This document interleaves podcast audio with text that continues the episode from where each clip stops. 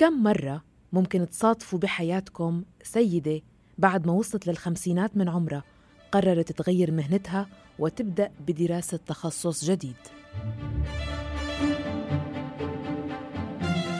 مزحت معه قلت له بتتوقع إنه بيطلع بإيدي أنا أتعلم برمجة مثلك؟ قام ضحك قال لي إيه ليش لا؟ إذا غيرك بيقدر يتعلم انت بتقدري تتعلمي. بخليني أقول الناس يمكن ما بياخذوا وحده ست عمرها 57 سنة بشكل جدي. فكان لازم أثبت إنه لا أنا جديه وأنا بيطلع بإيدي وأنا بستخدم الكمبيوتر من طول عمري من وقت ما طلع الكمبيوتر ونحن عندنا كمبيوتر بالبيت.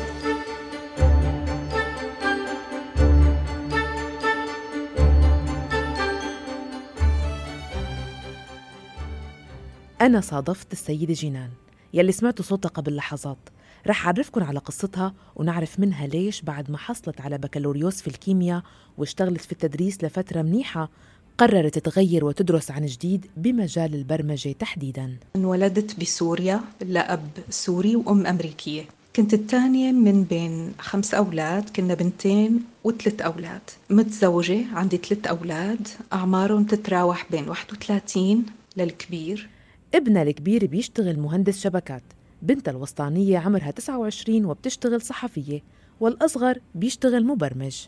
مبرمج بيقولوا full stack يعني البرمجة اختصاصات بيقدر يشتغل على أي اختصاص من الاختصاصات الموجودة في البرمجة سواء كان شكل الموقع وعلاقة الموقع مع المستخدمين أو بيسموه ال front end أو ال back end اللي له علاقة ب البيانات بيانات المستخدمين مثلا أو البضائع الموجودة أو الدفع أو إلى آخره آه، اللي له علاقة بإدارة الموقع. فبيقدر يشتغل على أي من هذه الاختصاصات. جينان وصلت لفرنسا مع جوزها من أكثر من 31 سنة وقبل فرنسا عاشت حياتها في سوريا مطرح ما خلقت وربيت ودرست لحد بداية المرحلة الجامعية. عشت بدمشق طفولتي بحي المهاجرين. طفولة كانت كتير وادعة وسعيدة وهادية. دمشق بهديك الفترة ذكرياتها كتير حلوة كانت. آه يمكن لحقت آخر أيام دمشق الوادعة كمان. آه لأنه دمشق هلأ مدينة كتير كبيرة ومزدحمة مختلفة جدا عن دمشق الستينات والسبعينات اللي عشت فيها لما كنت طفلة. هلأ مساحات كبيرة من الغوطة اختفت لصالح العمران فهالشي أثر كتير على طقس دمشق. آه، صارت تيجي موجات حر كتير كبيرة صار في ازدحام صار في ضجيج صار في تلوث مرعب. آه، هالشي هذا ما كان موجود نحن وصغار. دمشق آه، كانت كانت ولا تزال الحقيقة كانت ولا تزال مع كل شيء. كانت ولا تزال من أجمل مدن العالم بالنسبة لي. كوني بنت زواج مختلط كمان. كان في له ميزات في دمشق في شغلات بتضحك. آه مثلا من الشغلات اللي بتذكرها بطفولتي إنه في هيك عادات وتقاليد يجب احترامها بدمشق. واحدة من الشغلات إنه إذا بتروح بتزور حدا آه لما يضيفك لازم تتمنع مرتين ثلاثة وصاحب البيت يحلف عليك مرتين ثلاثة قبل ما تقبل الضيافة. أنا بتذكر كنت أقبل الضيافة بسهولة آه من أول مرة. وتذكر بنت جيراننا كانت تقول لي إنه عيب الواحد يقبل الضيافة من أول مرة. بس أنت لأنه أمك أمريكية يعني إنه أوكي بيتفهموا هالموضوعات فهي الشغلات اللي كانت مضحكة بهذاك الوقت.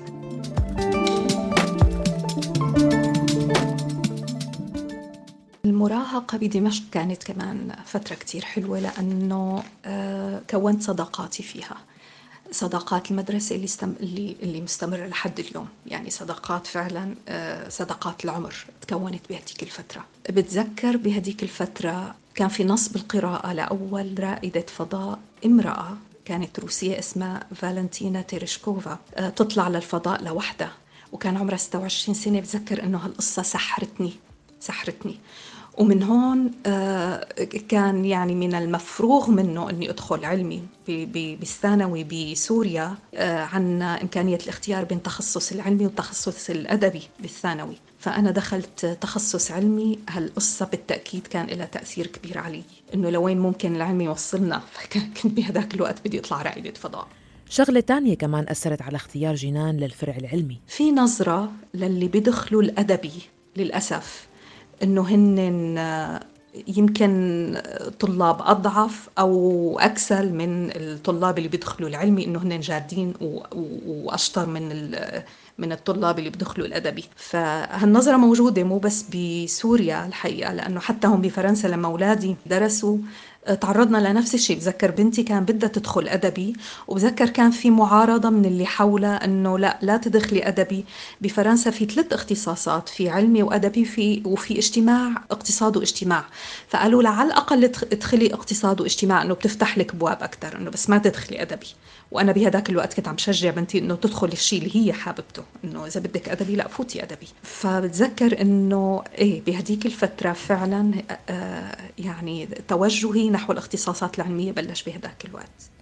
بالجامعة دخلت قسم العلوم الطبيعية ودرست السنة الأولى في دمشق ليتغير المسار بعدين وتدرس الكيمياء بالسعودية. عملت السنة الأولى بدمشق وبعدها آه، والدي الله يرحمه كان مهندس آه، وقع عقد مع آه، الشركة شركة الكهرباء للمنطقة الغربية بجدة فانتقلت العائلة للعيش بجدة.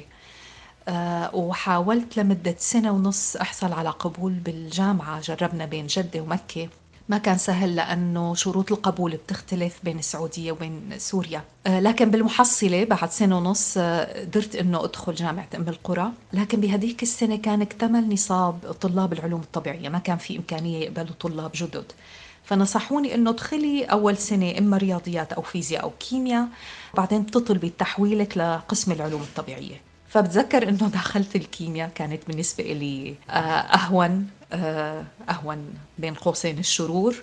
فدخلت الكيمياء وعملت السنة الأولى ولما صار وقت التحويل لقيت حالي إنه لا الكيمياء حلوة وعجبتني وإنه رح أستمر فيها واستمريت فيها. فأخذت البكالوريوس بكالوريوس الكيمياء مع آه، تقدير ممتاز وطلعت الأولى على دفعتي وعملت متطلبات الإعداد التربوي للتدريس. وتخرجت و... وتزوجت بنفس السنة وسافرت لفرنسا. وصلوا على فرنسا والمفروض كان أنه يبقوا لمدة خمس سنوات فقط فترة دراسة زوجها لكنهم ضلوا عايشين فيها لليوم. بالبداية ما كان العمل أخذ حيز كبير من تفكير واهتمام جنان لأكثر من سبب. انشغلت بأمومتي شوي لأنه جبت ثلاث أولاد وكنت مشغولة فيهم. آه، الشغلة الثانية كمان بالنسبة للعمل بفرنسا. العمل بشركات خاصة ممكن أنه يقبلوا فيها دبلوم أجنبي لكن العمل بالتدريس لو فرضنا بالحكومي كان لازم يكون عندي آه، شهادة فرنسية لحتى أقدر أشتغل. ولكن مع ذلك صح لي فرصتين عمل الحقيقة مع السفارة الكويتية ومع السفارة الإماراتية فيما بعد. هالدولتين وقعوا عقود مع فرنسا وكان في آه، عائلات أتت من الكويت والإمارات. آه، وكان لازم هالعائلات هدول يأمنوا تدريس لأولادهم لأن أولادهم لسه آه، ملتحقين بمدارسهم بالكويت وبالإمارات. فكانت مهمتي أنا أنه درسهم المنهج الكويتي والإماراتي بحيث يرجعوا لبلادهم مرتين بالسنة يقدموا الامتحانات. فصح لي فرصتين هالعمل هي وكانت فترة كتير حلوة أني أشتغل مع عائلات جاية من الخليج. جو العمل كان كتير مختلف عن جو العمل التقليدي الكلاسيكي. كان في صداقة مع الأهالي ومع الطلاب كوننا جميعا بالغربة. الحقيقة كانت آه، كان عمل ممتع. كان عمل ممتع وتعلمت منه كتير. من بعد هالفترة بالتدريس رجعت جنان لنمط حياتها اليومي مع أطفالها وخبرتنا عن أبرز التحديات يلي واجهتها كأم مغتربة. تربية الأولاد يمكن كانت أكبر تحدي بالنسبة لنا بفرنسا. كنا حابين نربيهم يكونوا مرتاحين آه، بالوسط اللي هن عايشين فيه. لكن بنفس الوقت يتشربوا لغتهم وثقافتهم ودينهم ويكونوا معتزين بجذورهم. فبتذكر إنه آه، كنا نكلمهم عربي بالبيت كان لازم يحكوا عربي بالبيت. كنا نسافر أهالينا بين السعوديه وسوريا كنا نسافر كل سنة تقريبا ونقضي فترة الصيف كلها بين سوريا والسعوديه لحتى يحكوا عربي ويفهموا عربي وهيك يتشربوا الثقافة وال... ويتشربوا العادات والتقاليد وكذا. كريسماس هي أهم فترة دي فترة أعياد بالنسبة لفرنسا طبعا مثل يعني الغرب والعالم المسيحي كله. فكان لازم نحسسهم كمان أنه نحن عنا لحظاتنا المميزة مثلا فترة الأعياد عنا عيد الأضحى وعيد الفطر. آه، كنا نحسسهم بأهل يعني نحاول نحسسهم أنه هي كمان لحظات مميزة بالنسبة لنا. آه كنا نجيب الهدايا والأواعي الجديدة ونطلع مثلا آه نعمل معمول العيد نطلع مع أصحابنا ونستقبل أصحابنا بالبيت نحسسهم إنه هاي لحظة مميزة كانوا ينتظروها ويحبوها. هلأ كل هاد وبنفس الوقت بدنا نحسسهم كمان إنه هن مالهم مختلفين أو غربة عن الوسط اللي هن كانوا عايشين فيه. كمان هذا شيء مشكل إنه يحس الطفل حاله غريب أو مختلف عن أقرانه. فهالمعادلة هي آه كنا عم نحاول بقدر الإمكان إنه نوازن بيناتها. بعد سنوات رجعت فكرة العمل على بال جنان ورجعت تفكر جديا بأنه تشتغل والتفكير الجدي بالعمل كان له سببين. الشغلة الأولى أنه خلال السنوات هاي في عدد من صديقاتي إما ترملوا فقدوا أزواجهم آه، أو انفصلوا عن أزواجهم وشفت بعيني كيف أمورهم انقلبت رأسا على عقب بين يوم وليلة. فالأمر خلاني كتير كتير فكر إنه لا سمح الله ما حدا بيعرف أيام شو مخبيت له. إذا صار فيني هيك كيف ممكن أعمل؟ شو شو اللي بقدر أعمله؟ الشغلة الثانية اللي خلتني كمان فكر بهالموضوع آه، أولادي اللي كبروا ويعني طلعوا من البيت وسافروا وصار عندي ساعات فراغ طويلة. آه، الحقيقة ساعات الفراغ كتير تأثيرها بيكون سلبي إذا ما يعني استغل هالفراغات بعمل شيء إيجابي. فساعات الفراغ الطويلة وأنا لسه بصحتي وعافيتي كتير خلتني إنه أفكر إنه طب آه، هيك الحياة بدي أقضيها بهالشكل هاد. بس إنه فكر مثلا بطبختي و وبآخر الأسبوع مين بدنا نشوف من رفقاتنا أو يعني آه، هالأمر هذا خلاني كتير كتير فكر بالموضوعات فبدأت بإعطاء دروس باللغة العربية. عملت عدة دورات باللغة العربية وبطرق تدريس اللغة العربية وقرأت كثير لحتى أستطيع يعني أدي آه، عملي يعني بشكل مناسب بقدر الإمكان. آه، هلأ فرنسا فيها 4.5 مليون مواطن فرنسي من اصل عربي وفي رغبة لكثير منهم إنه يمرروا الثقافة واللغة العربية لأولادهم. فالجمعيات موجودة بكثرة والعاطفة هيك الصادقة تجاه الثقافة واللغة العربية كمان موجودة الحقيقة. آه، لكن في عدة إشكالات كان بالنسبة إلي آه، بتدريس اللغة العربية. بالنسبة إلي شخصيا قد تناسب غيري لكن أنا عم بحكي عن, عن نفسي أنا. الموضوع الأول أنه أنا كان هدفي آه، من الشغل أنه أحصل على عمل ثابت مثل ما ذكرت سابقا الحقيقة بناء على يعني معايشتي لواقع صديقاتي اللي ترملوا وانفصلوا كان هدفي فعلا أحصل على عمل ثابت بأجر مناسب وأمن تقاعد. هي أول شغلة. الموضوع الأجر بهالجمعيات الحقيقة هو أجر رمزي وزهيد جدا. وله إشكاليات الحقيقة. الموضوع الثاني أنه القائمين على العمل غالبا عندهم عاطفة صادقة بالنسبة للغة والثقافة العربية ولكن مو شغلتهم. ما هن الناس مهنيين. بمعنى آخر إدارة العملية التعليمية ما هي شغلتهم. آه، بشكل عام ما في مثلا لجنة علمية عم تدير العمل. آه، بكفي مثلا رئيس الجمعية يتغير أو القائم على العمل يتغير. آه، بحسب ما يشوف هو يعني ممكن يتغير الكتاب ممكن طريقة التدريس تتغير طريقة التقويم تتغير يتغير الطاقم التدريس. فكان في اضطراب نوعا ما بالعمل لأنه ممكن بلش مع الصف بطريقة معينة أول سنة السنة اللي بعدها لاقي حالي لا لازم أعمل كتاب تاني وقوم بطريقة تانية وإلى آخره. فثمار العمل ما كنت عم بلحظها الحقيقة. ما بدي عمم الحقيقة لأنه في جمعيات عم تشتغل شغل كتير حلو ونظيف ولكن بكتير منها الحقيقة العمل مضطرب كان. القصة الثالثة كمان أنه العمل آه، بتدريس اللغة العربية للأطفال غالبا بيكون خارج الدوام المدرسي لأنه الأولاد بالمدرسة أيام الأسبوع. فبتعلموا اللغة العربية بالعطل أيام العطل وأيام عطل نهاية الأسبوع.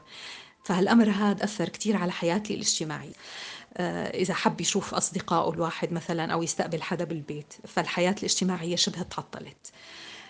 فلكل هالأسباب هي حسيت إنه شو بدي أقول؟ حسيت إني وصلت لطريق مسدود إنه وصلت لأقصى ما يمكن إنه أحصل عليه من عملي بتدريس اللغة العربية واللي برجع بقول إنه كان ممتع الحقيقة جدا ما بدي أذكر بس سلبيات. كانت العلاقة مع الطلاب واهلهم علاقه رائعه الحقيقة. آه، لكن يمكن أنا كان عندي طموحات مختلفة نوعا ما. آه، فبديت أفكر إنه لازم لازم أفكر بطريق تاني أو أفكر بشيء تاني. ومن بعدها بدأت فكرة دراسة البرمجة تخطر على بالها كتير وبدأت تاخدها بشكل جدي يوم بعد يوم. لكن كيف وليش رح نسمع منها. آه، يمكن بلشت فكر بالموضوع آه، من سنة ونص تقريبا لما ابني الصغير خلص مدرسة خلص دراسته يعني وابتدى يدور على عمل. ابني عامل برمجة ومن الوقت اللي بدأ يدور فيها على شغل لوقت ما وقع العقد مرق أسبوعين فقط. وكمية العروض اللي انهالت عليه آه، كانت شيء عجيب. فوقتها أنا انصدمت إنه طب أنا عم بتعب للاقي ساعتين تدريس وبالوقت اللي في مجالات الطلب عليها كتير كتير كبير. آه، لدرجة إنه قال لي ابني ماما ما عاد رديت على العروض لأنه لأنه كتير يعني كتير. فوقتها مع ذلك وقتها ما كنت أخذ الموضوع بشكل جدي بس وقتها مزحت معه قلت له بتتوقع إنه بيطلع بإيدي أنا أتعلم برمجة مثلك؟ قام ضحك قال لي إيه ليش لا؟ إذا غيرك بيقدر يتعلم انت بتقدري تتعلمي. بس مع ذلك ما كان وقتها الموضوع آخذ عندي فعلا يعني ما كنت أخذته بجدية خليني أقول. بعدها دخلنا بعصر الكورونا ودخلنا بالحظر الكبير اللي حصل بمارس الماضي. يعني تسكرنا بالبيوت ممنوع الطلعة بالبيت من البيت الأسواق كلها تسكرت الشغل التدريس وقف كل شيء وقف. فكنت عايشة مثل بي هيك بقوقعة آه، منعزلة. بس بتذكر كانت فترة كتير حلوة لأنه ما كان في مجال فكر بأي شيء لا بالدراسة ولا بالشغل ولا بالتعليم ولا بالتدريس كان بس عندي فترة إنه فعلا فكر فيها إنه أنا شو ممكن أعمل شو اللي بحب إني أعمله شو اللي برغب إني أعمله شو بيطلع بإيدي أعمل. هديك الفترة كتير فكرت فيها بهالموضوع هاد. خطر على بالي الحقيقة شغلتين. آه، قبل البرمجة فكرت بحسابات الإنستغرام هيك الحلوة. اللي بتعمل وصفات واللي بتعمل حلويات وكيكس مزينة. أنا ك... أنا كثير بحب هالقصص هي يعني دائما كنت آه، بحب دور على وصفات جديدة وتقنيات جديدة وكيف أصنع آه، حلويات حلوة مقدمة بشكل حلو. فحب يعني هالأشياء هي. لكن اللي حط حد لهالموضوع أو لهالمشروع هذا هو آه، يوم الوقفة برمضان وقت اللي عملت معمول العيد وقضيت آه، واقفة طول النهار أنا عم بعمل المعمول وحسيت حالي بآخر النهار منهكة وتعبانة وقلت مستحيل إني أحسن أعملها مهنة آه، أشتغل بهالشكل هذا بشكل يومي. وفعلا يعني أرفع القبعة للناس اللي اللي بيقدروا يشتغلوا لأنه فعلا شغل صعب كتير. اللي بيشتغلوا بصناعة الغذاء والحلويات بشكل عام لأنه مهنة صعبة ومتعبة لكن مهنة فعلا جميلة. فهي واحدة من الشغلات اللي خطرت على بالي إني أعملها مع إنه لقيت في دورات في دورات كان ممكن إني أدخلها وأعمل أشتغل هيك يعني. أه بديت آه، أفكر بقصة البرمجة بعدها أه بشكل جدي. مثل ما قلت يمكن الشيء اللي خلاني فكر فيها بشكل جدي هي الطلب الكبير عليها. آه، إنه أحسن إذا درست إني لاقي شغل بعد الدراسة ما طول أقعد سنين أو أشهر طويلة وأنا عم دور. هلأ آه، لساتني عم بدرس فشو حيكون الواقع فعليا بعدين؟ الله أعلم. بس هاي وحدة من الأسباب اللي خلتني أفكر بالموضوع إنه طلب الكبير على هالمجال هاد آه، وإمكانية إني لاقي شغل آه، يمكن بشكل أسهل من غير من غير مجالات. ومع نهاية الحظر الناتج عن جائحة كورونا بهديك الفترة تواصلت مع مكتب العمل لحتى تبحث عن جهة ممكن تدرس فيها البرمجة. فسبحان الله بهداك الوقت المسؤولة اللي حكيت معها قالت لي قالت لي وصلتي بكتير آه، بوقت كتير مناسب لأنه آه، في عنا جمعية اسمها Social Builders هي جمعية آه، شغلتها أنه تروج لمهن الويب للنساء لأنه عدد النساء اللي بيدخلوا بمجال الويب والإنترنت كتير أقل من عدد الرجال. فهي شغلة هالجمعية هي أنه تعرض المهن المختلفة للنساء وتخليهم يجربوا بورشات عمل بحيث أنه تشجعهم ينخرطوا بهالمجالات هي فسجلت بهالدورة هي وبنهاية الدورة الحقيقة بعد الورشات وبعد ال... بعد الكلام مع مع النساء اللي دخلوا قبلنا بهيك مجال حسيت إنه مرتاحة وحسيت إنه فعلا ليش لا؟ إنه شو اللي بيمنع؟ إنه بإذن الله بيطلع بإيدي إنه أدخل هالمجال هذا أه فصرت دور بعدها على دورة أدرس فيها. هلأ الدراسة بهالنوع من بهالنوع من المجال في نوعين من الدراسة. في الدراسة الكلاسيكية اللي هي بالجامعة مثلا آه، لمدة آه، خمس سنين آه، مثل ما عملوا أولادي أولادي درسوا الدراسة الكلاسيكية. بس في شيء اسمه ال boot camp اللي هو تدرسي أساسيات المختلفة لمهن الويب بفترة شهور بحيث بيطلع المبرمج من هالدورة هاي وعن هو عنده الأساسيات بحيث تأهله يدخل. كمبرمج junior مبتدئ تماما بأي شغل ويطور حاله خلال الشغل يعني. ومطلوبين مطلوبين يعني لأنه الطلب كتير كبير ففي شركات بتاخذ واحد طالع من هيك دورة وهي بتصير بتعلمه أكثر يعني وهيك. فقدمت على كذا دورة من دورات البوت كامب. هلأ يمكن آه، مسألة العمر كان لها تأثير بأنه بخليني أقول الناس يمكن ما بياخذوا وحدة ست عمرها 57 سنة بشكل جدي. فكان لازم أثبت إنه لا أنا جدية وأنا بيطلع بإيدي وأنا بستخدم الكمبيوتر من طول عمري من وقت ما طلع الكمبيوتر ونحن عندنا كمبيوتر بالبيت. يعني كان لازم أثبت لهم فبتذكر وقت اللي عملت المقابلة بالدورة اللي قابلت فيها قعدت مع الست اللي كانت عم تعمل معي مقابله ساعة لحتى أثبت يعني أقنعتها إنه إنه أنا فعلا جدية وبيطلع بإيدي. كونه الدوره كانت ممولة من من منطقة باريس آه، فمدفوعة يعني. مشي الحال. وافقوا وبدأت جنان دورة البرمجة ومدتها ثمانية أشهر. أربع شهور منها دراسة. دراسة يعني من التسعة الصبح للخمسة المساء متواصلة. بسبب الحظر تمت الدراسة كلها على زوم بس كان عندي دوام على زوم أبدا يعني كل يوم من التسعة للخمسة. قدمت خلال مشروعين لحتى أحسن أتأهل للمرحلة اللي بعدها. الأربع شهور اللي بعدها هن تدريب بشركة والحمد لله تيسر لي تدريب بالشركة آه، هلأ حتخلص حيخلص التدريب خلال أسبوعين يعني عملت أغلبه. آه، باقي لي أسبوعين وبخلص. المفروض بعد التدريب أقدم مشروع تخرج وبناء عليها, عليها أخذ شهادتي. وشوف بعدها شو الله بيسر الحقيقة ما عندي أي فكرة عن المستقبل. لكن اللي بقدر أقوله أنه أنا بهالمرحلة الحمد لله كتير آه، ما عندي أي ندم آه، بالعكس عم أقول يا ريتني مبلشة من أربع خمس سنين لكن كل شيء بيجي بوقته مثل ما بيقولوا مع أنه البعض ممكن ينظر لجينان نظرة استغراب ويسألوها كيف قدرانة بهالعمر تدرس هيك تخصص؟ بالنسبة لعمري آه، الحقيقة أنا وعم دور على تدريب حسيت إنه في استغراب وإنه يمكن الناس يمكن ما عم تاخذني بشكل جدي. يعني حتى الشركة اللي عم بتدرب فيها هلأ بتذكر إنه المسؤول عن تدريبي.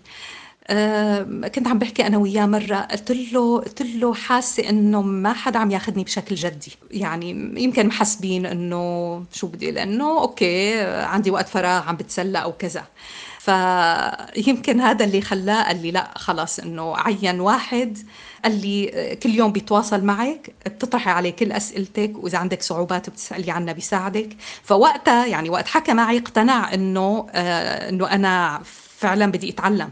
لأنه كان قال لي آه، بالبداية قال لي آه، إنه إنه أنت شو هدفك من لوين بدك تصلي؟ شو هدفك من هالدورة كلها والتدريب هذا؟ إنه إذا بدك بوقع لك على التدريب وخلص ما في داعي. قلت له لا أنا بدي أتعلم. أنا هدفي أشتغل. فتفاجأ. يمكن الموضوع له علاقة بالثقافة. هلأ أنا بعتبر إنه لسه قدامي عشر سنين بقدر أعطي فيهم وأنا الحمد لله بكامل صحتي وعافيتي. عشر سنين مو فترة قليلة إنه الواحد يقدر يفكر فيها بعمل أو حتى بتغيير عمله إذا ما مبسوط بشغله يقدر يفكر بشيء تاني ويفتح لحاله أفق تاني. يعني عشر سنين ما هي فترة قليلة. أنا هيك فكرت ما بعرف قلت عشر سنين فترة فترة طويلة. بتستاهل إنه كرس منها مثلا سنة لأني أدرس أو أعمل أتعلم شيء جديد وأبدأ أبدأ خليني أقول حياه مهنية جديدة. لكن الثقافة اللي حوالينا ممكن إنه تستغرب هالأمر هذا حتى هون بفرنسا. هلأ بأمريكا الثقافة مختلفة نوعا ما. يعني لأنه أختي بأمريكا وضعها كثير بيشبه وضعي إنه أولادها كبروا صفيت لحالها بالبيت وخاصة مع الحظر توقفت شوي الحياة الاجتماعية وبصير بيقول لحاله الواحد شو بدي أعمل بوقتي. فخليتها أقنعتها تدخل هي كمان عم تعمل مثل مثلي تماما. عم دخلت بوت كامب مثل حكايتي. فأقنعت أختي بالشغل بس أختي قالت لي إنه هي بالدورة تبعها في عندهم كذا واحد أعمارهم فوق الستين. فبأمريكا ما هو موضوع غريب مثل ما هو موضوع يمكن ببلادنا أو حتى هون بفرنسا. لكن مع ذلك يمكن شو بدي أقول ما يمكن التصميم والجدية بيخلوا اللي حواليك يقتنعوا بالآخير بآخر حزيران يونيو من سنة 2021 رح تقدم جينان مشروع التخرج وبناء عليه رح تحصل على الشهادة. بعدها حتبدأ مرحلة جديدة هي مرحلة البحث عن العمل وأنا مدركة إنه العمر له تأثير الحقيقة بهالمرحلة هي لأنه الشركات بشكل عام بتفضل تاخذ آه، شاب صغير آه، من إنه تاخذ ست عمرها 57 سنة. لكن متأملة خير متأملة بما إنه الطلب كبير إنه لاقي حدا احسن اقنعه أو يقتنع فيني. آه، فهي مرحلة ثانية بوقتها إن شاء الله بعالجها. لكن موضوع تغيير العمل الحقيقة وتغيير الدراسة بعد فترة من العمل هلأ لو ترجع فيني الأيام لورا ببلش ببدأ أبكر. يمكن أو فكر أبكر. أخذت معي فترة طويلة لحتى اقتنعت بفكرة إني أطلع من منطقة الراحة تبعي من ال comfort zone تبعي. وفكر بشيء مختلف تماما ما كان ممكن فكر فيه قبل كم سنة. أي واحد ما له مرتاح بعمله أو ما له مرتاح بشغله أو بيتمنى يشتغل بشيء تاني. الحقيقة بنصحه هلأ من من حسنات آه، العصر اللي عايشين فيه. إنه إنترنت موجود وإنه كل شيء بده الواحد بيخطر بباله يتعلمه موجود على الإنترنت على اليوتيوب بيقدر يلاقي كورات بيقدر يلاقي آه، يعني دورات بيقدر يلاقي كل شيء موجود وكل شيء مفتوح. إنه إذا في شيء خاطر بباله الواحد أو شيء حابب يشتغل فيه أو يتعرف عليه بإمكانه يبدأ بأنه يتطلع ويعمل له كم دورة على الإنترنت أو يحضر له كم حلقة يوتيوب ياخذ فكرة عنها ويشوف حاله إذا بيقدر فعلا يتابع بهالمجال ولا لا. فهي في الحقيقة آه، هلأ عصرنا الحالي سهل كثير هالمهمة بالنسبة للناس عن قبل 20 سنة مثلا أو 25 سنة قبل ما ينتشر الإنترنت بهالشكل هذا. فالحقيقة هي من من حسنات العصر الحالي إنه بيقدر الواحد يتعلم كثير شغلات لوحده بيقدر ياخذ فكرة عن أشياء كثير ما كان صعب إنه يصلى من قبل. فإذا واحد ماله مرتاح بدراسته أو ماله مرتاح بعمله الأمر بيستحق تماما إنه ما بدي أقول يبدد كم كم شهر أو كم سنة من حياته لكن يكسب عمره كله. بأنه يكرس فترة كم شهر أو كم سنة من حياته لأنه يبدأ دراسة جديدة وبداية جديدة. آه، كثير مهم. الحقيقة كثير مهم.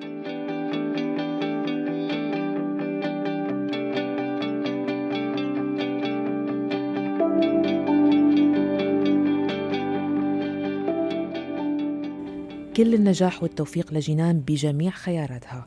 بتمنى تكونوا استمتعتوا بمعرفة تفاصيل تجربتها.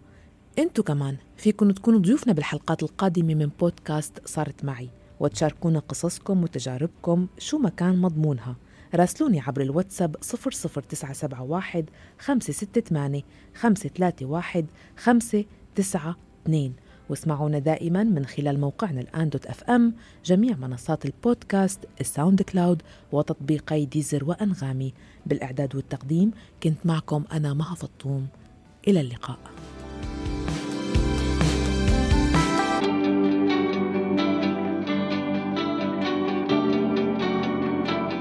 بودكاست صارت معي مع مها فطوم على راديو الآن.